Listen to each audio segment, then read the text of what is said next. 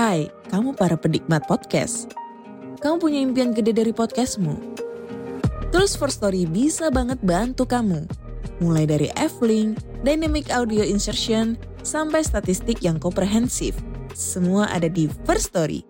Gak ketinggalan kamu bisa monetisasi podcastmu lewat iklan dari First Story Ads yang bisa kasih kamu penghasilan dari setiap place podcastmu. Yuk gabung sekarang dengan klik di firststory.me. Sekali lagi, klik di firststory.me. Mari kita bawa mimpi podcastingmu menjadi kenyataan.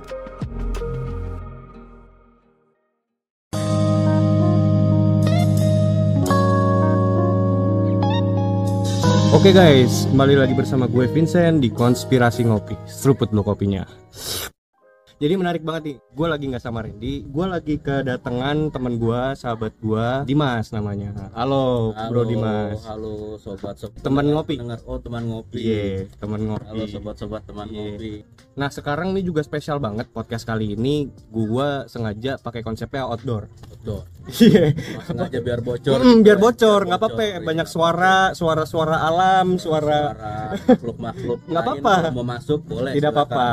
Justru Dipersilahkan. Dicari malah, Iya, dipersilahkan. Emang sengaja nyari suara-suara yang lu nggak bisa denger nih biar record di sini. bener bener bener bener, bener. iya nggak apa-apa kita kita emang nyari gitu jadi eh gue lagi tertarik banget nih sama teori ini dan mungkin ke depannya gue juga akan bahas sama beberapa podcaster lain ya untuk mendapatkan insight-insight lain gitu Ini ada yang simulasi. Iya. Nah terus eh, sebelum kita masuk ke dalam eh, temanya, gue juga pengen nyampein buat teman-teman semua, teman-teman ngopi. Kita kan udah buka official merchandise nih, teman-teman. Eh, jadi ntar gue bakal taruh linknya di bawah. Kalian bisa belanja di situ. Support lah konspirasi ngopi. Nah, gitu. kalau ngaku-ngaku dengerin doang mah Iya. lah kalau nggak Iya. beli lah. Oh, oh. Iya. kan pasti butuh ini. butuh sesuatu buat Eh, eh. mensupport Iyalah. ekosistem bersama nih. Bener. Quality juga bagus kok, Iya. bukan yang kaleng-kaleng lah. Eh, Jadi eh.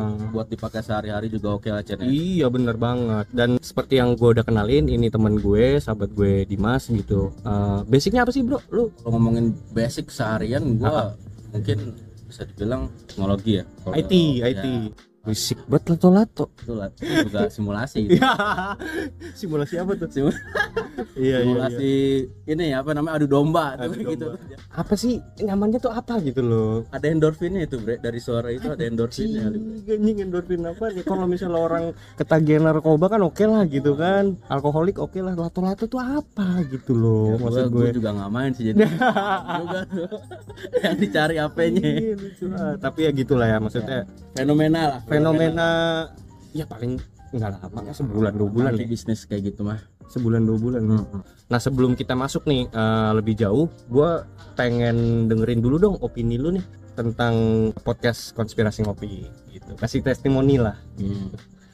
dari gua mungkin konspirasi ngopi ya. Gua cukup out of the box karena nggak nggak nggak banyak podcast yang ngebahas sesuatu yang sampai sedetil dan nyerempet nyerempet kayak gini. Sensitif bisa dibilang sensitif. Ya dengan teori-teori yang bisa dibilang ya di sini dikaji juga. Jadi nggak sembarangan nyam, nyampein informasi ke kalian tapi tadi pesan gua sebelum lu denger setelah lu baca bismillah dulu buat yang muslim. Berdoa dulu. Berdoa dulu. Dan intinya gini jangan nelen sesuatu tuh mentah-mentah. Mentah-mentah, bener. ganjil dan perlu lo kaji ulang ya nggak masalah. Silakan monggo. justru Tuhan ngaruhin lu akal jangan lu siain gitu aja lah. Lu pakai iya.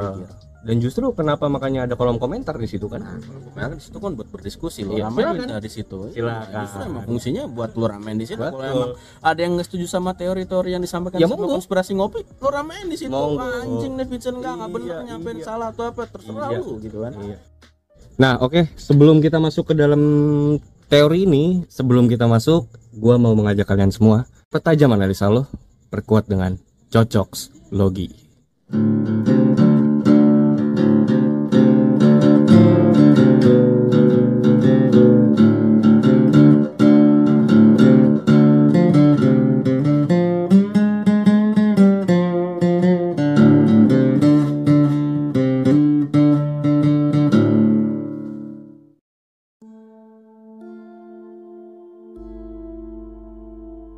Teori ini kan sangat cukup menggunjingkan iman gua, Be. dan ini teori yang udah sering banget gue pikirin gitu ya. Dan gue tadinya gue kira gue dong yang berpikiran seperti ini gitu. Akhirnya gue riset gue riset gue riset ternyata dari dulu bahwa bahkan sudah ada pemikiran seperti ini gitu loh. Yang mengatakan bahwa dunia dan realitas tempat kita tinggal itu hanyalah sebuah simulasi atau mimpi atau apa pun itulah gitu. Yang gue tahu eh, kayak game-game hmm, benar. truk simula truk simulator tuh. Truk simulator anjing. Iya iya iya pokoknya intinya sebenarnya apa pun apa pun itu yang dalam dalam dunia teknologi sebuah simulasi itu kan berarti kan eh, lu mengadaptasi sebuah realita tetapi itu sifatnya bukan sesuatu yang nyata. Banyak ya banyak Iya. banget bentuknya ya. Banyak. Ya sekarang kalau misalkan lu kalau ingat zaman dulu Hmm. games ada yang namanya The Sims The Sims itu kan Ah, justru itu dia. menurut gua itu secara nggak langsung mensimulasikan Kehidupan. Ah, society. ah, society lu tuh disimulasikan dalam bentuk game gitu loh. Lu Mm-mm, bisa berinteraksi sama setiap orang. Bahkan benar benar benar. eh, storyline-nya itu bisa beda-beda yang Iya. gue tahu ketika lo mem- memainkan si karakter A dan karakter B Mhm. dengan lu yang main sama yang gue main itu alur ceritanya nanti bisa beda ya ya ya itu itu dalam bentuk yang sederhana dalam Iya, bentuk iya. game gitu kan gue potong nih ya Hmm. buat tumbler dulu opening biar kayak podcast beneran gitu Ya, emang podcast simulasi kan nggak lucu kan podcast simulasi Lucu lu juga ya. iya Simul- podcast simulasi mensimulasikan podcast mensimulasikan podcast Iya. simulasi coba anjir kayak Inception banget tuh Iya, kalau iya, gulung-gulung lagi ya Mimpi di dalam mimpi. iya kan? Nah, iya Ya, Inception tuh mimpi di dalam mimpi kan? Mimpi di dalam mimpi Eh, tapi paling enggak itu bisa membuktikan loh. Gini eh, ini ini sebelum kita jauh lebih dalam ya pikirannya bahwa katakanlah si tokoh itu dia merasakan bahwa realitas sebenarnya adalah mimpi itu. Make sense dong? Ya, make bisa sense. aja kan? Bahkan kan ada ada di Hmm. ada di bagian dalam filmnya itu ada sebuah adegan ketika Hmm. si siapa pemeran utamanya gue lupa deh nah jadi buat teman-teman Inception itu eh, filmnya Christopher Nolan ya dan salah satu film favorit gue juga selain Interstellar Interstellar Iya, kalau Interstellar kan dia bahas tentang quantum physics lah ya kayak gitu-gitu ya. Nah kalau Inception ini lebih ke kayak Matrix sih. Cuman kalau dia tuh versinya lebih ke mimpi. ya Tuh, gulungan-gulungan mimpi. ya Dan Jadi- itu sumpah main blowing banget parah. Gue demen banget itu. plot twistnya kacau sih itu Iya, nggak ketebak ya? nggak ketebak karakter utamanya ini masih di dalam dunia mimpi bukan Oh maksudnya ada realita. perdebatan. Iya, Mm-mm. jadi dia dia tuh eh, intinya lagi lagi nyari sebuah racikan ramuan atau something lah yang Mhm. yang mana lu bisa deep sleep, totally deep sleep tuh selama Uh-huh. berjam-jam. Aha. Tujuannya supaya nanti ketika si DiCaprio sama kawan-kawannya ini masuk ke tier mimpi yang berikutnya Mhm. itu itu nggak nggak keganggu sama kejadian-kejadian yang ada di Dunia nyata. Iya, Oke. dunia nyatanya kayak gitu. I see, I see, I Nah, see. bahkan pada saat proses nyari itu, nyari ramuan Mhm. itu dia dibawa ke dalam sebuah ruangan. Mhm. Dalam ruangan itu tuh isinya orang-orang pada tepar semua, Bre. Oh. Jadi isinya di situ orang-orang pada tidur semua dan dan dan uh, orang-orang itu Mhm. bahkan rela untuk nggak bangun, untuk nggak mau masuk ke Oh, dunia nyatanya karena karena di situ mereka menganggap dunia mimpinya dia atau dunia visual yang pada saat dia dunia tertidur itu, iya iya itu iya. lebih indah dari kenyataan dia kehidupan nyatanya jadi mereka nggak nggak nggak mau bangun Ya, atau ya, ya, terbangun dari mimpinya dia pengen menjalani kehidupan mimpinya selamanya Artinya orang-orang ini memilih untuk tinggal di dunia mimpi tersebut. Iya.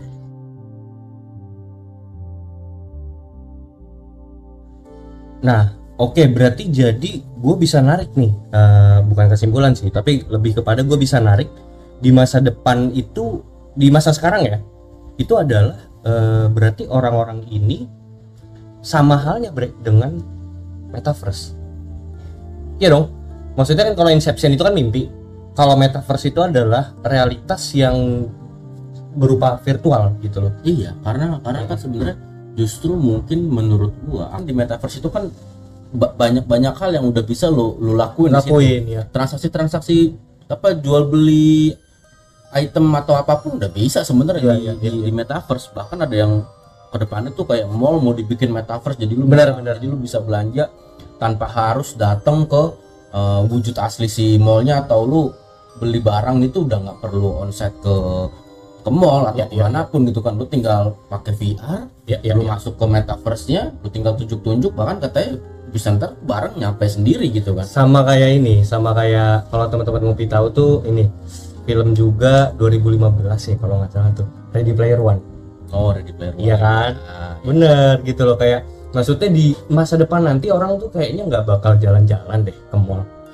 belanja ke mall Iya, uh, karena- fisik gitu. Iya, karena sekarang gini aja dah, lu Ah. mainin game open world sekarang udah kayak mes banget kan. Hmm. Wah, gila gua Benar. yang bikin lu nggak nggak nggak bisa matiin itu laptop atau PC buat lu berhenti main game itu kan sebenarnya bukan cuman karena itu game seru aja, tapi Yap. visual-visual yang nggak lu dapet di dunia nyata lu. Dan satu lagi tau nggak apa? Pengakuan.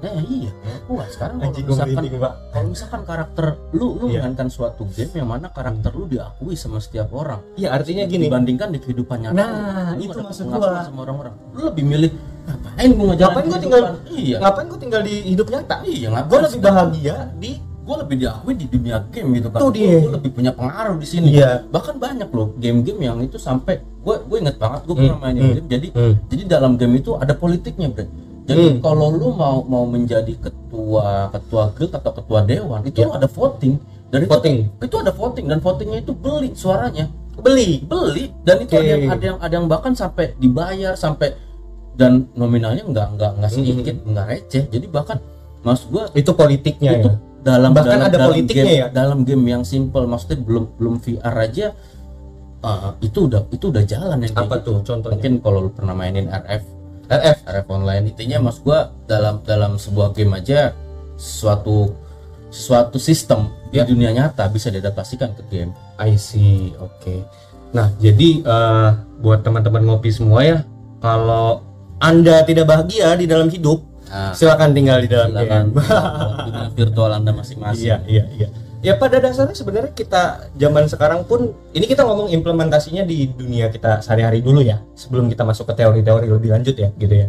Eh, artinya gini, eh, kita hidup sekarang aja kayaknya kita lebih nyaman dengan pengakuan orang-orang dari berapa jumlah likes lo di Instagram Nah, dibanding eh, pengakuan yang memang sebenarnya di dunia nyata. iya Kayaknya ada suatu ho- hormon, hormon endorfin di situ. Benar? iya benar karena kan Gitu. emang sebenarnya mereka mereka tuh riset kali Mm-mm. pada saat ngebikin sebuah apps itu Mereka-mereka nih pembuat si pembuat. ya, si developer developer Oke, Instagram. apa pun, itu Apa pun, sosial ya, media ya, pokoknya keinginan atau achievementnya dia dia upload Ah. terus ada orang yang mengakui dikasih button likes lah dikasih button love lah itu secara nggak langsung kayak wah anjing gue disukain nih sama orang wah gue, gue diakuin nih gitu kan itu yang memicu lu buat ngupload lagi ngupload lagi nge-scroll lagi nge-scroll lagi dan Pada akhirnya lo akan bolak-balik untuk ngeliatin konten lo. nah iya pada akhirnya Sementara- sesuatu, sesuatu yang sifatnya mungkin itu adalah fake Ya. banyak edit Ya. banyak manipulasi di situ siapa tahu Cuman ya pada akhirnya society zaman sekarang arahnya ke sana. arahnya ke sana iya karena s- kayaknya semua orang kenapa sih pada haus pengakuan heran gue Ya, ya memang karena kalau gua rasa ya, ini kalau dari si- sisi esensi gua ngomong ya, ya karena memang mereka tidak mendapatkan itu di dunia nyata aja sebenarnya, gitu loh. Yang which is sebenarnya kan gini, eh, manusia itu kan, ya gua, gua kurang inget ya level tingkatan-tingkatan needs seseorang ya. ini ya tier pyramid itu ya Iya, iya, iya, ya. lu, lu ingat apa tuh? ah, Coba ah. jelasin deh. ya kalau itu kan kayak jadi kebutuhan dasar manusia Ah, ah. itu kan makin lama makin mengerucut, Mengerucut ke gitu atas. kan. kalau yang di di penghuni piramida bawah tuh kayak kita paling cuman butuh kayak makan terus Sandang pangan papan. ya sandang pangan papan nah sedangkan makin ke atas tuh mereka udah nggak mikirin sandang pangan papan Karena tuh sudah terpenuhi. udah terpenuhi semua mereka tuh udah kayak pengakuan kekuasaan itu udah makin makin meningkat lagi Oke, iya iya. Nah, pada akhirnya eh, ada satu tier di mana mereka membutuhkan pengakuan. Benar gak? Ya, seperti itu. Ya, maksud gua zaman sekarang lah ya, orang semua orang tuh berlomba-lomba untuk diakui gitu loh. Nah, terlepas dari itu gua nggak akan ngomong lebih jauh soal itu itu udah morality masing-masing Ya, gitu udah. kan. Eh, kita lebih kepada ngebahas ngalur ngidul di bagian teorinya dulu. teori Gitu. dunia simulasi ini ya. Yoi, yoi. Karena menarik, eh, dim. Karena gini, belakangan tuh gua seperti yang tadi gua spoiler di awal bahwa gua berpikir bahwa kayaknya gua doang yang mikirin ini. Apakah gua eh, halu atau gimana gitu kan? Tapi Hmm. ternyata teori ini tuh udah ada, udah udah muncul di bahkan di peradaban Yunani kuno. Oh dari dulu ber- berarti udah mereka udah udah Udah berpikir seperti itu. ini bakal terjadi gitu. Bukan, bukan. Artinya gini, gagasan yang di mana dunia realitas yang dijalankan sama manusia bukan realitas sebenarnya. Oke, mereka udah mereka udah udah itu berpikir berarti seperti ya? itu kayak gitu nah Menarik eh, mm-mm. teori ini sebenarnya terkenal banget di di di dunia filosof fi- eh, filsafat ya itu ada suatu gagasan filosofis kuno yang berbunyi begini. Nih, kita telah sama-sama ya. Jadi dikatakan bahwa dunia yang kita tinggali ini hanyalah suatu realitas atau kenyataan semu yang berada di dalam suatu mimpi yang teramat panjang. Gitu. Ini kurang lebih sebenarnya eh, sama kayak gambar Inception itu sendiri nggak sih? Kan Iya. karena kan dibilang di sini suatu mimpi yang teramat panjang. ini dia teramat panjang berarti kita semua sebenarnya nggak ngejalanin realitas sebenarnya ya Betul. Kita berada di dalam suatu mimpi tersebut. Iya. Bahkan gini, gue pernah eh, dengar suatu keyakinan orang suku Aztec. Suku Aztec itu berpikir bahwa eh, dunia dan segala macam yang ada di dalamnya itu hanyalah suatu proyeksi dari mimpi seorang dewa.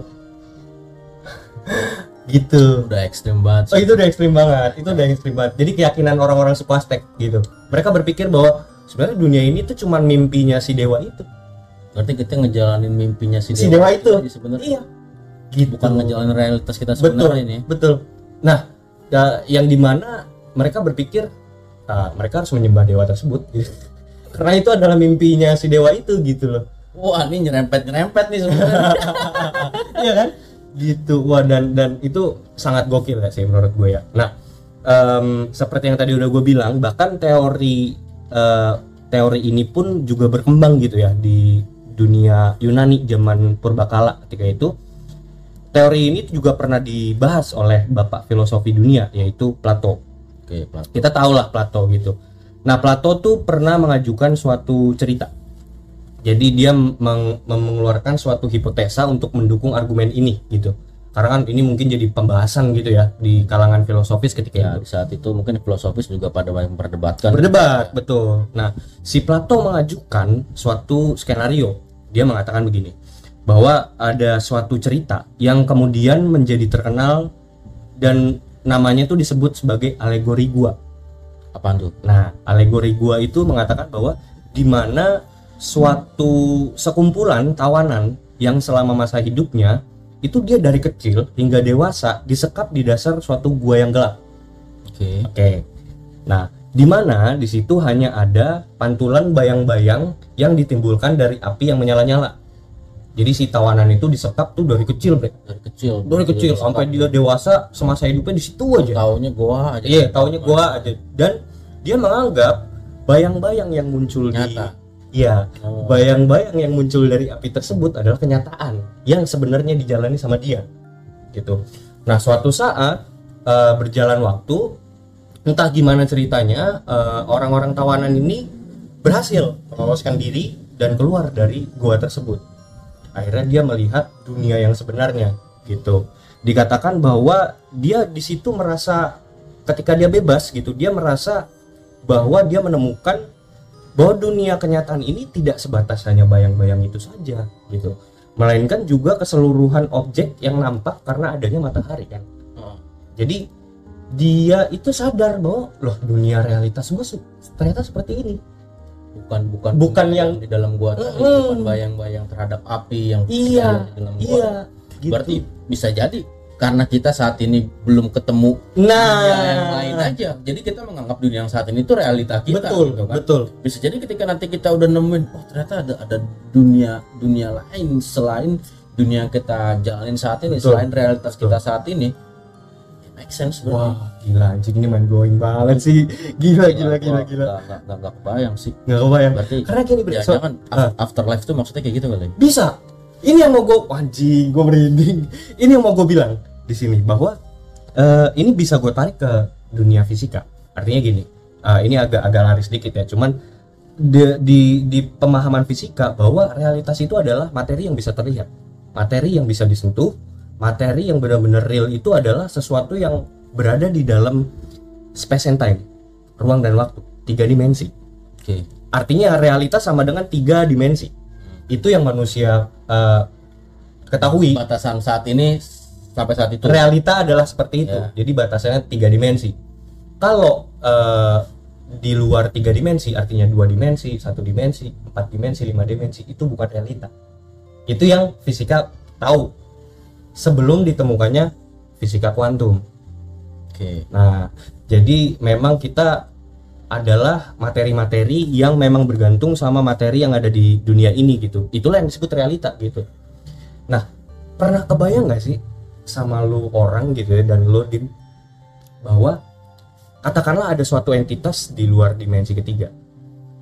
Artinya realitas yang berlaku sama si eh, entitas tersebut adalah realitasnya dia dong Iya. yang ada di dimensinya dia. Katakanlah dimensi dua Iya. dimensi keempat. Lu pernah kebayang nggak suatu dimensi dua dimensi itu kan eh, objek yang datar objek datar tuh dua dimensi. Betul. persegi ya tuh lu pernah ngebayangin nggak sih suatu persegi itu punya pikiran dia nggak dia punya pikiran bahwa dia nggak tahu bahwa ada lu ada dimensi di atasnya? Ya ya kan itu yang saat ini terjadi. Hah? gitu kan. Kita sebagai makhluk tiga dimensi nggak nggak nggak nggak Ini menarik nih, menarik nih. kebayang makhluk yang melebihi dimensi kita sama seperti yang tadi yang satu dimensi sama- keempat sama dimensi kelima dimensi. iya iya bahkan mungkin ketika dua dimensi ini bertemu dengan kita yang tiga dimensi mereka akan menganggap wah ini sesuatu yang mistik Dewa nih. sesuatu yang dewa nih gila gue nggak pernah ketemu nih sama yang kayak gini nih. dan dia akan menganggap eh, entitas yang berada di tiga dimensi tersebut adalah dewa. Dewa ya bisa dianggap Tuhan bahkan. Iya. sama kayak kita yang mungkin tiga dimensi ketika menemukan sesuatu yang sifatnya empat dimensi wah udah kacau nih pikiran udah udah ngalur empat dimensi gitu kan. lima dimensi Empat enam dimensi, dimensi gitu. dimensi, yang which is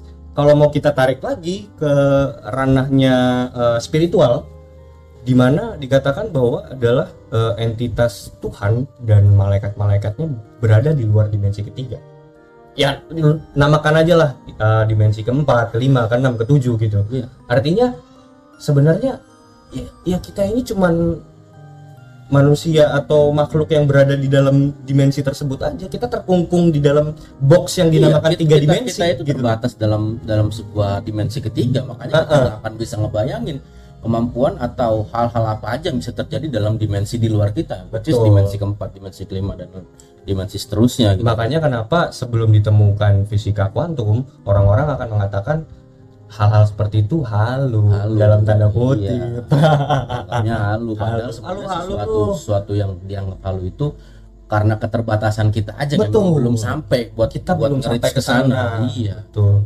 Dan ini menarik nih, karena menariknya, em, ini gue jadi agak melebar ya. Cuman eh, menariknya, gue sangat berterima kasih sih dengan Albert Einstein yang menemukan eh, teori fisika kuantum ini, yang menyatakan bahwa ternyata materi itu tidak hanya tidak harus selalu tentang hal-hal fisik, tapi juga metafisik.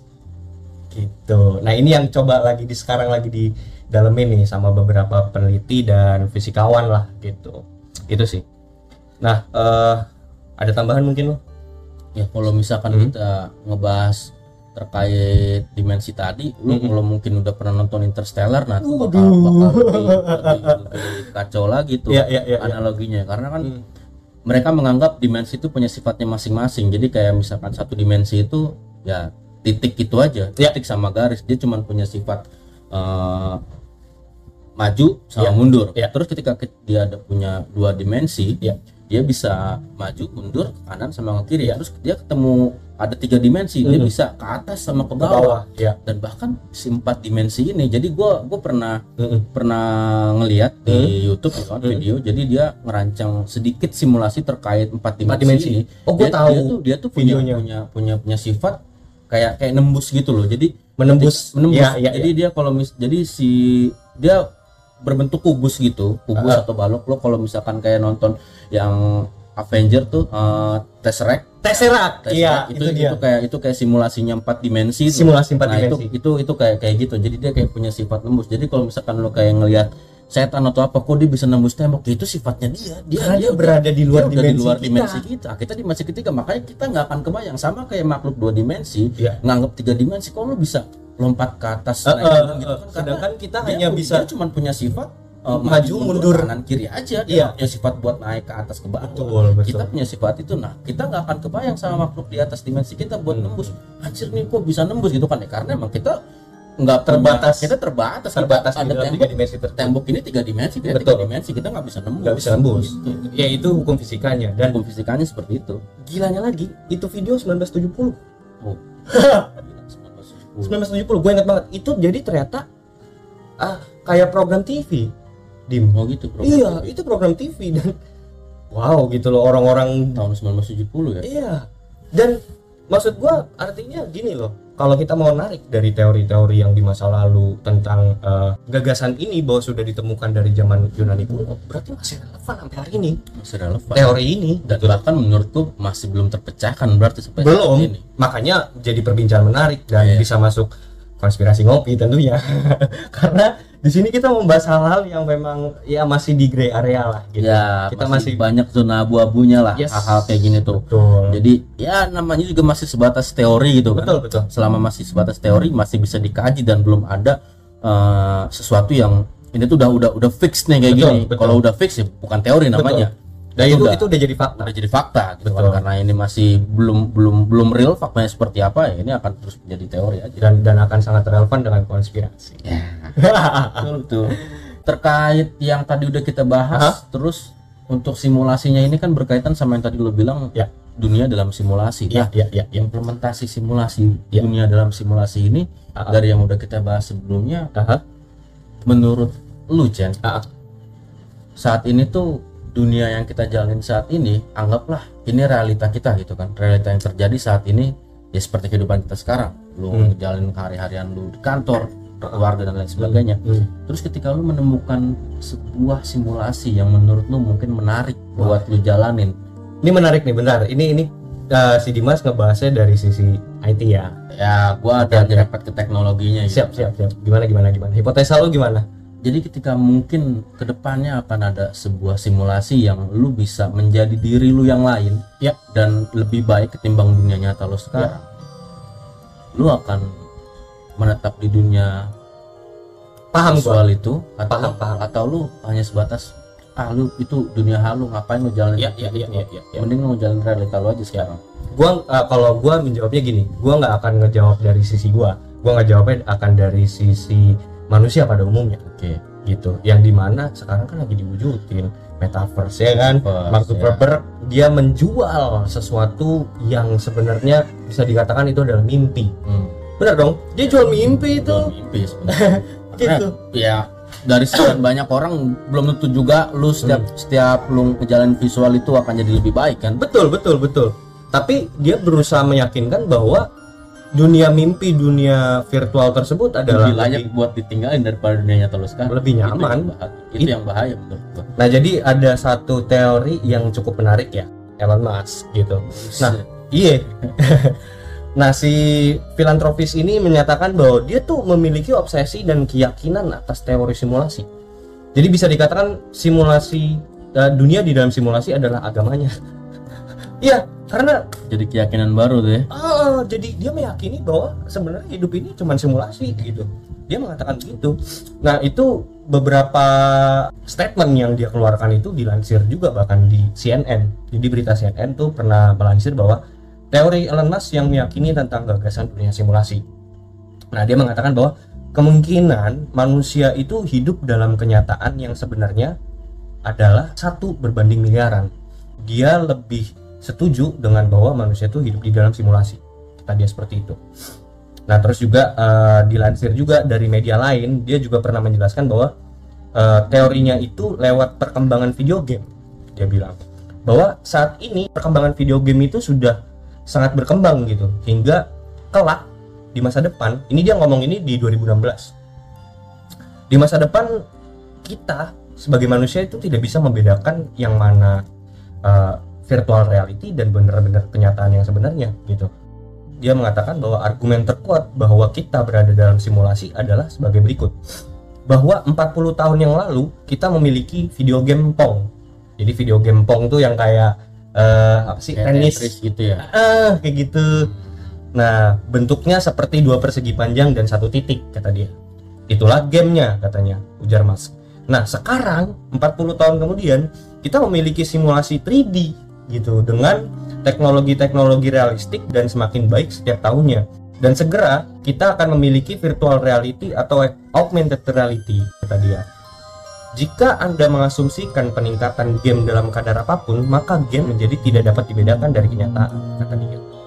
Menurut gue justru lebih kayak eh, karena kalau lu udah menganggap dunia game itu sebagai realita lo lo tuh bisa eternal di dalamnya Ah, sekarang benar. sekarang sekarang gini emang sebuah karakter bisa dimatikan nggak bisa Nggak bisa. selama selama game itu masih ada dan selama uh, apa namanya playernya itu pun bahkan ketika udah nggak ada itu si, si si sosok karakter itu masih bisa dimainkan so- oleh orang lain Jelas, dan jelas. ketika mi- let's say gini dah ada ada sebuah game yang mana di dalam game tersebut lu menjalankan suatu peran gitu Ya.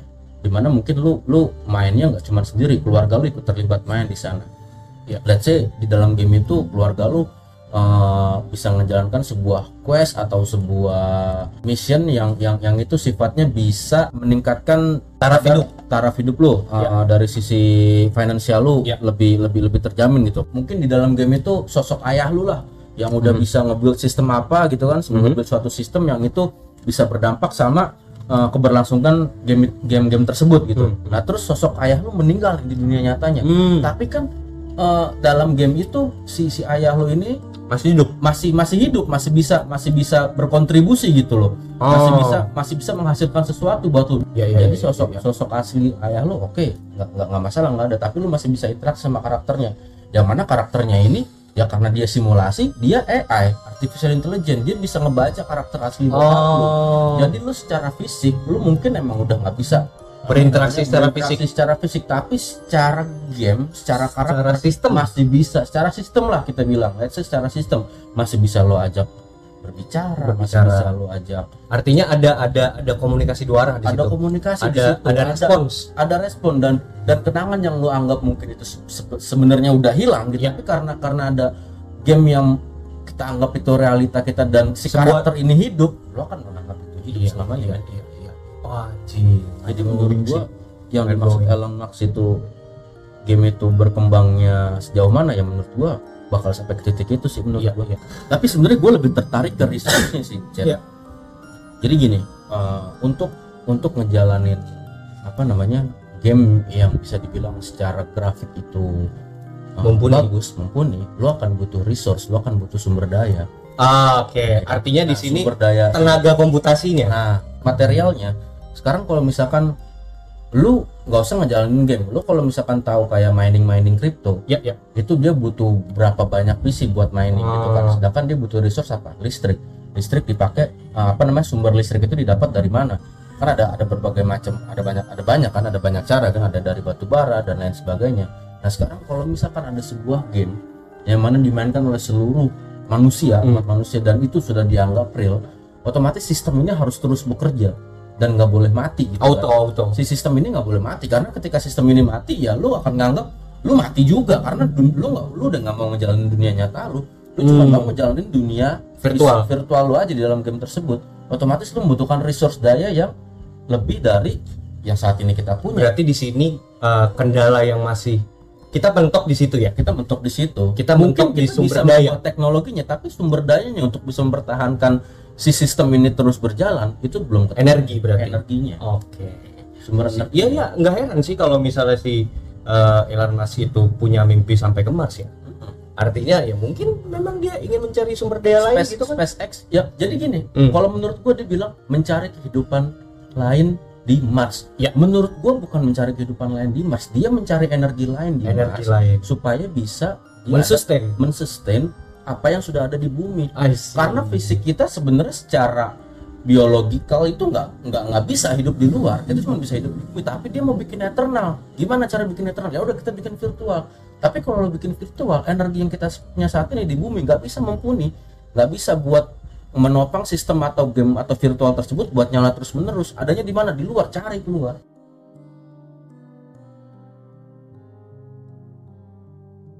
ya namanya juga outdoor ya kan? Jadi ya banyak lah bocor-bocor suara-suara dari dimensi kelima di ke dimensi keempat masuk. Tujuh. Karena memang kita menggunakan teknologi mikrofon yang menangkap dah suara-suara dari dimensi-dimensi lain. Gitu.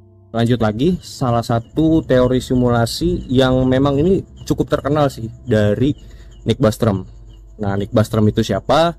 Dia itu salah satu filsuf yang uh, lumayan terkenal untuk mengemukakan teori ini pada tahun 2003 gitu dia ngoceh apa itu di situ Chen Iya nih, nih coba ya kita dengerin ocehannya ya. Bener apa kagak nih?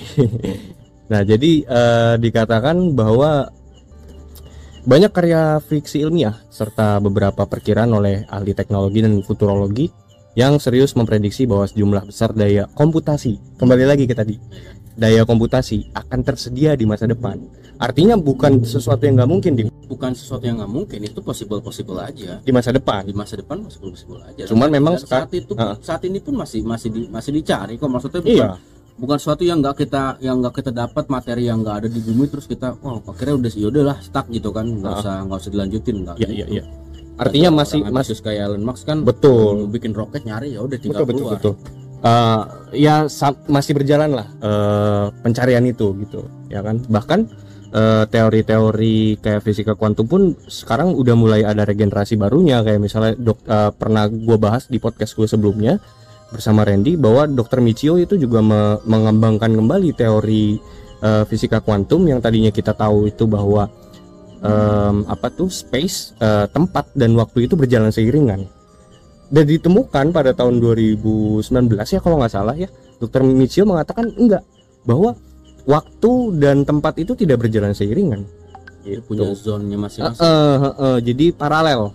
Nah jadi dari situ menciptakan teori-teori kayak multiverse kayak gitu. Dan eh, ya jadi sekarang orang tuh sains itu bisa mencapai ranah metafisika. Jadi sekarang scientific scientific dan saintis itu sedang mencoba menjelaskan teori-teori tentang hal-hal gaib dalam tanda kutip sebenarnya gitu. sesuatu yang disebut gaib atau metafisik itu kan Mm-mm. penyederhanaan penyebutan kita aja karena mungkin kita mentok mentok kita menyebut apa Eh, iya, sesuatu itu sesuatu yang lu nggak pernah ngeliat sesuatu bisa nembus dan lu benar melihatnya Benar. ya, akhirnya lu bilang ya udah itu makhluk gaib gitu. Iya. padahal mungkin sebenarnya ada teori di balik itu betul betul Eh, eh, sa- sama halnya kayak gini gue pernah mengungkapkan teori ini ya em, tongkat Nabi Musa oke tongkat Nabi Musa Jadi orang ular. iya orang bilang wah magic. Oh, gaib. Ya, siapa tahu itu teknologi. Iya dong. Apalagi zaman zaman Firaun katanya kan peradaban Oh, Mesir tuh iya. canggih-canggihnya Ah, kan. ah, ah, ah. ya siapa tahu itu teknologi. Hanya memang alih-alih sihir ketika itu tidak bisa menjelaskan aja secara saintifik gitu loh. Dan dengan akan mudahnya mengatakan ah magic. Ya udah. Itu gaib Ya, setan gitu ya, kan. Ya, ya. emang itu mempersimpel aja sih. mempersimpel aja biar nggak banyak penjelasan di balik itu. ya, ya, ya, seperti itulah. Nah, lalu eh, dilanjutkan dikatakan dari Nick Bostrom mengatakan bahwa mari dia mengungkapkan suatu skenario lagi yang sebenarnya skenario nya kurang lebih sama kayak eh, teori Elon Musk tadi ya. Dia mengatakan bahwa tapi ini dia duluan ngasih taunya sebelum Elon Musk. Mari kita anggap sejenak bahwa prediksi ini benar, bahwa prediksi di masa depan komputasi daya komputasi itu akan hadir gitu yang tadi yang diharapkan ya, seperti yang tadi lu bilang. Satu hal yang mungkin dilakukan oleh generasi selanjutnya dengan komputer mereka yang super canggih adalah menjalankan simulasi mendetail tentang kehidupan leluhur mereka atau orang-orang seperti leluhur mereka. Karena komputer mereka sangat canggih, mereka dapat menjalankan banyak sekali simulasi seperti itu. Jadi bukan satu simulasi doang. Banyak simulasi gitu. Simulasi terhadap kehidupan leluhurnya. Generasi di masa depan. Katakanlah contoh ya implementasinya cucu lo buat simulasi tentang hidup lo. Wah anjing. Itu. Berarti Gitu. berarti kesimpulan yang tadi bukan kesimpulan maksudnya. Uh, Hip- persepsi yang tadi kalau misalkan kita ini sebenarnya sedang menjalankan simulasi kemungkinan besar bisa jadi cuy. Karena karena Anjir. di, di luar sana materi-materi yang saat ini nggak ada di bumi di mereka udah ada. Iya kan? Dan teknologinya mungkin lebih canggih dari kita. Jadi kalau kita ini simulasi yang sedang mereka buat bisa jadi. Possible possible aja. Nah selanjutnya dia mengatakan bahwa misalkan misalkan ini yang ini yang akan memper- memperkuat argumen dan hipotesa ini. Ya. dia bilang misalkan orang-orang yang disimulasikan ini sadar bahwa mereka tuh sedang berada di dalam simu- simulasi. Oke gitu kan. Nggak masalah. Nah yang jadi masalah adalah kalau orang-orang yang berada di dalam simulasi itu tidak menyadari eksistensi mereka itu hanyalah sebuah simulasi itu yang mengerikan. Ini ini katanya argumen Nick Bostrom ya dia mengatakan itu. Dan dia juga melanjutkan lagi maka bisa jadi sebagian besar pikiran seperti kita ini bukan milik ras asli. Artinya bukan milik kita. Ya bukan milik kita. Melainkan milik orang-orang orang yang sedang mensimulasikan kita ini. Aduh gila gila gila gila. Oleh keturunan maju dari ras yang lebih advance. yang lebih advance dan materi dan material yang lebih advance juga Betul. sumber dayanya pasti lebih advance ya kita sampai eksplor keluar buat nyari sumber Hmm. daya lain kan berarti sumber daya kita saat ini di bumi belum mem- belum mumpuni Ya, untuk ya. bisa mensupport sistem atau teknologi yang saat ini sedang kita buat gitu Ya, kan sedangkan di luar Nah itu uh, gue akan mencoba uh, menyampaikan satu argumen yang akan menjawab itu ya nanti ya nanti. Gue akan fokus di Nick Bostrom dulu. Nah kesimpulan dari Nick Bostrom maka dimungkinkan untuk menyatakan bahwa kita kan secara rasional berpikir bahwa kita mungkin berada di dalam pikiran yang disimulasikan daripada berada di dalam pikiran biologis yang asli. Oleh karena itu, jika kita tidak berpikir bahwa saat ini kita hidup dalam simulasi komputer, nah kita tidak punya hak untuk percaya bahwa kita akan memiliki keturunan yang akan menjalankan banyak simulasi dari hidup nenek moyang mereka. Artinya kalau kita nggak mencapai suatu pikiran tersebut, ya kita juga nggak punya hak untuk mengklaim di masa depan eh, anak cucu kita punya pikiran untuk menjalankan simulasi tersebut. Sedangkan kita sekarang sedang berpikir seperti itu, ngerti nggak? Gitu loh. Dari sini pun dia akhirnya me- me- merumuskan eh, semuanya ini ke dalam tiga hal ya, tiga tiga probabil probabilitas yang coba dia bawa gitu bahwa tiga probabilitas ini adalah satu skenario nya semua peradaban mirip manusia di alam semesta punah sebelum mereka mengembangkan kapasitas teknologi yang mumpuni. Untuk menciptakan realitas simulasi tadi. Betul. Itu probabilitas pertama. Oke. Oke. Yang kedua dia bilang jika ada peradaban yang mencapai fase kematangan teknologi ini tidak satupun dari mereka entitas-entitas ini yang mau repot-repot untuk menjalankan simulasi. Itu aja. ya udah biarin berjalan aja Iya, gitu. Jadi mereka udah ah, nggak nggak nggak nggak tertarik gitu buat sesuatu teknologi simulasi gitu. Probabilitas yang ketiga, peradaban maju akan memiliki kemampuan untuk menciptakan banyak sekali simulasi. Dan itu berarti ada jauh lebih banyak dunia simulasi daripada dunia non simulasi. Gitu. Tanggapan lo gimana? Tanggapan gua Yes. ngeri sih Ini wild Gua- banget ya, liar banget ya. ini Teori ini liar banget. teori ini liar cuman patut buat dicari tahu juga lah Iya. karena gua gua nggak bisa kebayang ketika sebenarnya gini lu misalkan lu, lu lu main game gitu kan. Yap, yap. lu lu sebagai pemain tahu bahwa itu simulasi Betul. sedangkan si karakter, Karakter itu tidak sadar. tidak sadar nah lu, lu bisa bayangin nggak kalau misalkan kita ini saat ini sedang menjalankan simulasi oleh suatu, Suatu makhluk ras. atau suatu ras tertentu yang lebih maju dari kita Wah, anjing, parah pecah sih cuy itu nggak bisa berkata-kata ya. nggak bisa berkata-kata dan, dan, dan menurut gua possible possible aja Possible possible aja. karena karena menurut gua gini ketika lu ketika lu memainkan sebuah game atau simulasi Mhm. kita kita sudah tahu alur ceritanya kita Iya, yang iya. kontrol dia mesti ngapain Betul, betul. sama kayak mungkin ras ras yang lebih maju ini yang saat ini sedang kontrol kita sedang membuat kita memainkan simulasi ya udah Chen dim lu bikin podcast sekarang Iya. lu bikin ini bikin ini lu Oh. ngejalanin ini ngejalanin ini karena itu udah di udah diatur sama Artinya di- orang ya artinya artinya peradaban yang lebih maju ini mereka sudah mensimulasikan kita sama kayak kita mensimulasikan game aja betul betul. ketika kita menjalan main sebuah game ya ya kita kita terserah kita semau kita mau Betul. kita apain itu karakter mau lu suruh karakter tersebut kayak misalkan di GTA mungkin lu mau nyuruh nyuri kayak Ya, ambil mobil betul. atau apa ya itu hak hak lu aja gitu Iya. kan Dan CJ tidak akan Dan sadar CJ kalau akan dia adalah kalau- pemain Iya. eh, apa karakter kalau di dalam game. simulasi Wow. Los, San- Los Santos tuh dia nggak sadar kalau Los Nggak Santos sadar, simulasi nggak Iya. sadar bahwa si Dimas lagi mainin Los Santos Ber- berarti kita sedang dipermainkan sama Ras yang lebih ras- tinggi. ras yang lebih tinggi gitu. Dan dan ini probabilitas ketiga inilah yang berusaha diyakinkan oleh eh, Elon Musk.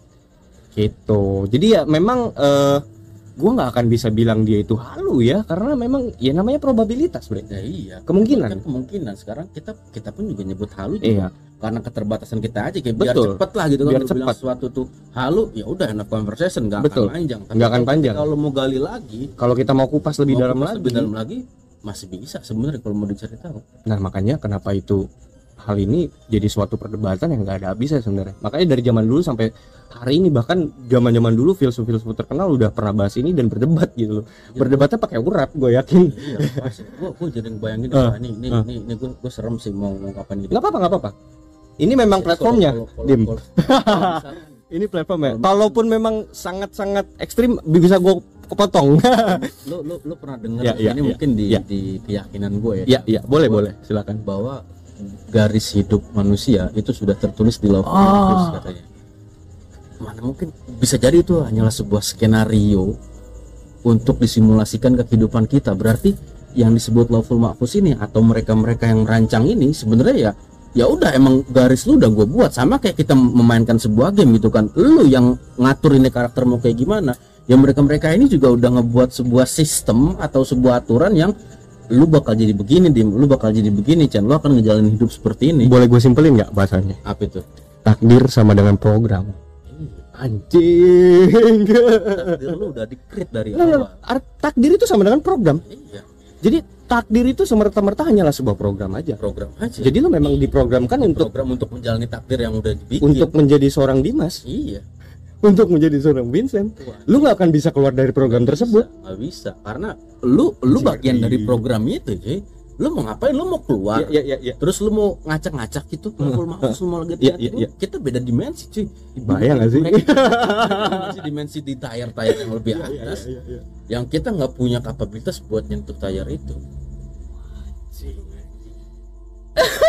ngeri sih bre. Ngeri ya? Ngeri bre. Gila gila gila. Ini gua rasa teman-teman ngopi juga otaknya udah mulai kepanasan nih kayak gitu ya kan. Dan eh, Laful Mahfuz program bre. Anjing di sis di sisit ini nih kayaknya bakal gua potong nih buat jadi jargon nih. Anjrit anjrit. Gila gila gila. Itu itu salah satu hal yang eh, gila sih. Gua gua nggak bisa berkata-kata ya. Ya, karena Hmm. menurut gua gini loh kita kita kadang eh, percaya atau meyakini sesuatu itu adalah hal yang gaib atau Kebenaran. sesuatu yang ya sebuah kebenaran itu kita anggap ya udahlah itu itu gaib itu udah ada yang ngatur. Ya. nah udah ada yang ngatur berarti kan secara nggak langsung program. alam bawah sadar lu percaya kalau lu ini adalah sebuah program. simulasi yang sedang berjalan. Karena dia kan simulasi itu kan diprogram Hmm, hmm, iya dong ketika lu udah percaya bahwa ini udah ada yang ngatur Hmm, berarti udah ada developer ini udah ada yang hmm, nge-create. hmm. ya lu tinggal ngejalanin aja karena lu udah bagian dari sistem program tersebut Ya artinya eh, sangat jelas bahwa sebenarnya dari aduh gua susah banget ngomongnya kalau dari sisi agama ya. Tapi maksudnya berarti orang-orang yang percaya kepada suatu kepercayaan itu adalah suatu eh, orang yang percaya kepada program. Nah, jadi ada suatu eh, hipotesa juga yang dikeluarkan sama seorang ahli di bidang komputer nih. Nah, ini ini ini ranah lu sebenarnya.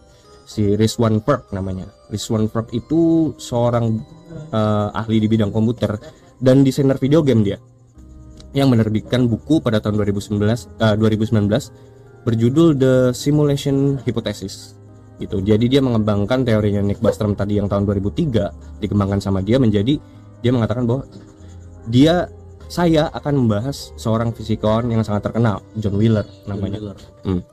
Dia adalah satu salah satu fisikawan terakhir yang bekerja dengan Albert Einstein dan banyak fisikawan besar pada abad ke-20. Kredibel berarti. John Wheeler mengatakan bahwa fisika pada awalnya dianggap sebagai studi tentang benda-benda fisik. Bahwa segala sesuatu dapat direduksi menjadi partikel. Inilah yang sering disebut model Newtonian. Tapi kemudian ditemukanlah fisika kuantum dan kami menyadari bahwa segala sesuatu adalah hamparan probabilitas dan sebenarnya bukan objek fisik. Ini kan berarti fisika itu menemukan bahwa eh, yang tadi seperti gue bilang realitas itu ad- terbatas di fisik aja, Ya. gitu. Nah, pada penemuan selanjutnya John Wheeler menemukan bahwa pada level inti semuanya hanyalah informasi. Semua hanyalah data. Semuanya berdasarkan bit. Jadi dia kalau muncul di, di banyak interview tuh dia akan selalu bilang kayak gini, Bre. Itu dari bit, itu dari bit, itu dari bit. Dia ngomong kayak gitu-gitu mulu. dari bitnya Iya, bit bit itu sama dengan data.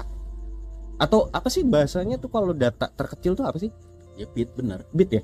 Oh iya, ya, kilobyte, megabit, Iya. bit, bit ya. sebenarnya yang yang yang dibilang Hmm, bit hmm. ini ini bakal sa- satu SKS ini eh tiga SKS malah ini sebenarnya kalau- Anjir. kalau- kalau mau ngulik terkait bit ini kan karena kalau lo berbicara bit sebenarnya itu eh, Ya sorry, sorry, gue gue potong. Nih gue juga mau ngepromoin juga nih Dimas nih nanti bakal buat podcast ya, podcast eh, apa namanya? teknologi Yo, eh. jadi ngebahas apa tuh? intinya gue di situ ngebahas teknologi cuman eh, mungkin ada bumbu-bumbu atau ada segmen-segmen yang emang ngebahas lebih detail ke perkembangan teknologi juga ah, ah. terus isu-isu sosial yang mungkin berkaitan sama teknologi sama ada segmented yang mana namanya humanoid itu ah. maksudnya mungkin ya lu sebagai manusia nggak usah lah terpaku sama teknologi terus ada dunia lain yang Ya, mungkin ya, bisa ya. lu explore Oke, jadi artinya intinya podcastnya bicara tentang dunia IT aja ya. Oke. Segmentasi Oke, oke. Eh, gue emang encourage teman-teman juga nanti kalau misalnya ini udah rilis belum? Belum belum Oke. masih mungkin ya, materi udah ada cuman Hmm. beberapa record udah ada tapi belum gua upload Oke. aja sih Siap, siap, siap. Jadi ditunggu aja teman-teman ngopi eh, ketika nanti rilis kita buru-buru datang ke platformnya. Ntar mungkin keluar di Noise atau di Spotify kita subscribe oke thank you thank you sobat ngopi thank you gitu. Oke, kita lanjut tadi. lanjut ke beat ya Iya beat, beat yang punyanya John Wheeler ini John nih. Wheeler nih John Wheeler ngomongin beat beat itu sebenarnya apaan sih Heeh. Sebenarnya kalau kita berbicara beat itu beat itu sebenarnya sebuah binary Ya. 0 sama 1 Wah, ini ini menarik nih. karena karena ketika lu berbicara 0, 0 sama 1 ini kalau lu bilang itu itu sebuah beat ya benar kita itu semuanya bergantung sama Beat. bukan bergantung maksudnya semua itu terjadi karena adanya beat ini si 0 sama 1 ini sebenarnya kalau mau ditarik bakal ada filosofinya lagi Ya, ya. 0 itu melambangkan kematian satu itu melambangkan kehidupan Makanya kenapa binary code itu 1010 kayak gitu kan? iya benar itu Gua kurang ngerti sih 1010. soal itu. Nah iya, Ah. sekarang kalau misalkan kita udah ngebahas komputer dan di situ dibilang bit, karena emang yang dibaca data binary, Ya. data 1-0 tadi itu yang nanti bakalan terinterpretasi di sebuah sistem komputer yang Dan mana akan menjadi- menjadi sebuah program dan menjadi sebuah sistem yang akan berjalan. Itu yang Hmm. dibilang bit, itu semua the bit bit bit ya emang bener 01. Emang segala sesuatu dasarnya dari sana. adalah beat gitu. Beat, Nah iya. ternyata yang yang mengungkapkan itu adalah John Wheeler. John Wheeler yang John Wheeler gila. Dan tapi sebenarnya itu bukan bidang dia. Dia fisikawan. loh. Dia fisikawan Ah. tapi udah aware ke sana ya. Iya. Wow gitu. Dan gue lanjutin ya. Jadi eh, dia mengatakan ini belum selesai nih John Wheeler. John Wheeler ngomong eh, beat itu merupakan gagasan bahwa apa pun yang kita lihat sebagai fisik sebenarnya adalah hasil dari potongan-potongan informasi atau data gitu.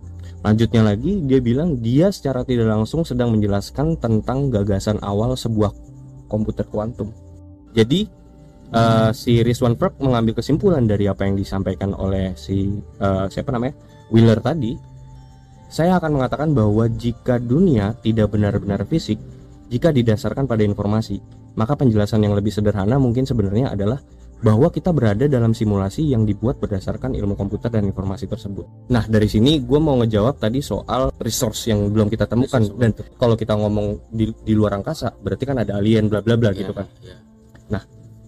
Hipotesanya gini, mungkin alasan kita belum bertemu alien adalah kapasitas RAM yang ada untuk menjalani simulasi hidup kita hanya cukup untuk satu peradaban di bumi sehingga tidak ada alien karena memang tidak masuk aja kapasitas memorinya udah penuh jadi nggak akan bisa achieve sampai ke sana gitu. Iya. dan atau alien sudah jauh lebih pintar dari manusia untuk terlepas dari jerat dunia simulasi ya atau mereka sudah menjalani hidup lebih lama dari kita. Dan bahkan mungkin bisa jadi dia yang menjalankan simulasi. Iya bahkan mungkin mereka yang sedang mensimulasi kehidupan kita sekarang. Waduh, wah anjing, ini bahaya banget sih nggak sih? Ini out of the box banget, cuman ya ya ini jadi jadi bahan berpikir juga lah buat teman-teman ngopi gitu bahwa kenapa sih gitu? Gue bisa berpikir kok dunia simulasi itu possible aja ya gitu. apalagi sudah didukung sama teori dan mungkin hipotesa dari Berbagai Para ilmuwan, fisikawan ilmuwan kompeten di bidangnya kan dan sudah berpikir hal ini sudah jauh-jauh. dari jauh-jauh tahun-tahun sebelumnya gitu. Iya. berarti sangat mungkin-mungkin aja kalau kita saat ini sedang menjalankan simulasi bro jadi lu nggak usah nggak usah ambil pusing lah Nggak usah ambil pusing ya. lagi Jadi jalanin aja simulasinya ya. jalanin aja udah simulasi doang bukan realita ini Anjing, anjing. Itu konklusi yang sangat fuck, fuck up sih. Gua gua gua jujur aja gua kecewa gitu loh. kayak lu, lu ngapain sih ngeluarin effort ternyata lu cuma ngejalanin simulasi ya Hmm. saat ini mungkin yang Hmm. ngejalanin simulasinya alien-alien di sana bakal ketawa-tawa aja kita lagi ngomong berusaha buat mengungkap identitas Iya iya mereka iya iya iya. iya. dan akan dibilang ya elah teknologi lu belum nyampe Iya, resource iya, lu nggak iya, akan iya, nyampe iya, ibarat kata kayak gini deh Eh, eh. lu mainin sebuah game lu Ya, main ya, ya, lu ya, main ya. GTA nih terus si CJ berusaha buat ngungkap identitas Iya, lu. iya, iya, iya. lu bakal ketawa gak bakal ketawa. Bener, itu bener. beda bro. Gua yang nge-build lu gua yang batasin pemikiran-pemikiran lu sampai sejauh mana. Ketika itu Heeh. menurut gua wah ini udah mungkin udah bakal nyentuh dikit nih. Gua matiin lu bisa nggak? Bisa bisa aja mereka yang jalan simulasinya benar benar benar dan bahkan eh, teori ini pun eh, juga pernah diaplikasikan di komik Marvel Deadpool. Wah anjing yang dimatiin penciptanya Penciptanya. itu ya. gila sih itu. Iya. Nah Deadpool sekarang. Ah. Dari gambar. Gambar tuh dua dimensi. Dua dimensi. diaplikasikan ke sebuah film. Eh, komik. Komik Tadinya. lah. Ah, tapi komik dia- ya, filmnya jadi juga. film lah tiga iya, dimensi. iya, iya. terus mungkin dia akan keluar gitu kan. Di, di, di, di komik itu dia keluar nyari si penciptanya terus dibunuh si dan itu ada adegannya di, di komik. Tuh kan. Ada lagi. Ada. Bener bener bener. Itu yang mau gue sampaikan tadi. Jadi eh, ada series di mana Deadpool itu membunuh satu universe Marvel sampai di titik di mana anjing siapa lagi yang mau gue bunuh ya? Karena dia punya sense of kesadaran bahwa dia adalah karakter komik. Dia nunjuk ke pembaca lo selanjutnya. Tai nggak? Tai anjing. Tai banget gitu loh. Komik bisa punya sense Kesadaran. of human cuy. Bisa Iya. kesadaran. Bahwa dia adalah karakter komik. Dan itu salah satu superpower Deadpool memang gitu. Ya kita bisa bilang Matrix ya. Matrix uh, cuman gue jadi punya konklusi liar nih bro. Jangan-jangan Tuhan yang selama ini kita anggap itu cuman penyederhanaan subjek atau suatu- objek sesuatu yang kita belum paham yang sebenarnya yang kita anggap Tuhan ini mungkin ya adalah Ya. suatu ras. sebuah ras atau entitas yang peradabannya mungkin sudah maju gue nelan udah anjing gue teknologi sudah maju dan akhirnya mereka kayak bingung nih ah gue mau ngapain nih? Ah, gue gue bikin something gue bikin simulasi deh. Gua bosen nih. iya gue bosen nih.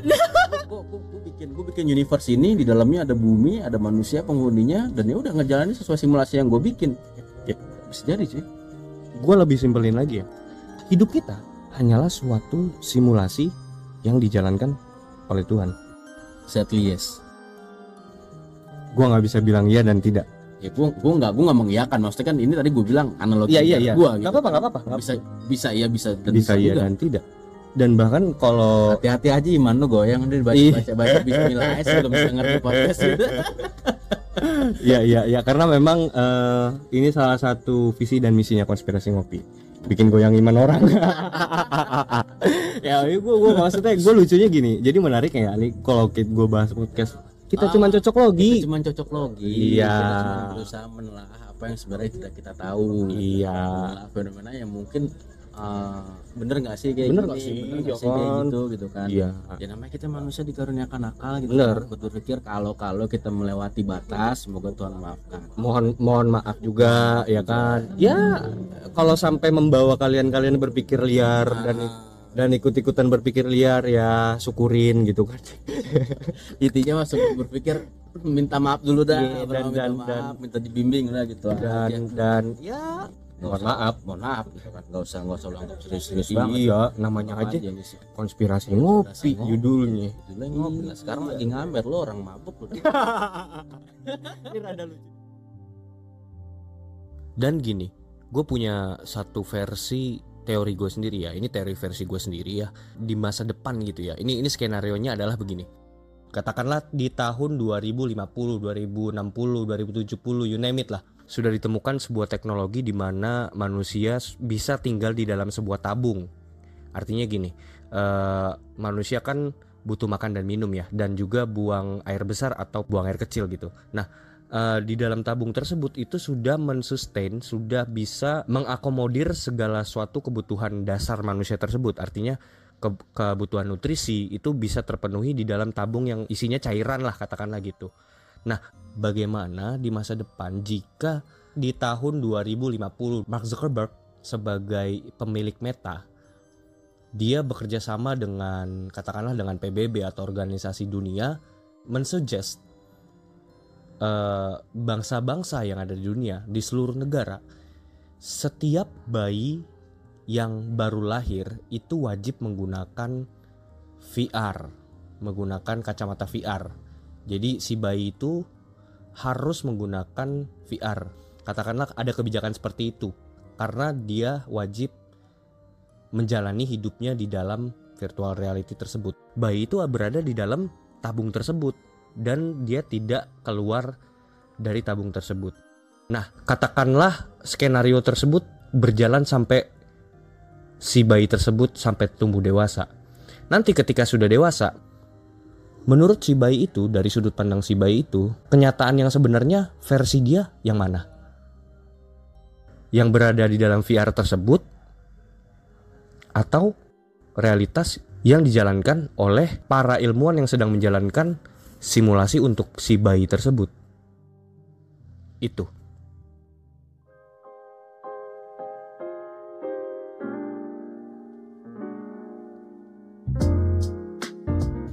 Ya udah ya, udah ya, udah malam. Ya udahlah, ya udah malam. Thank you buat sobat-sobat ngopi ya. Yo, Eh, buat konspirasi ngopi semoga Promo dulu makin- dong. semoga makin sukses terus buat merchandise-nya ya lu lu belilah gitu kan Belilah.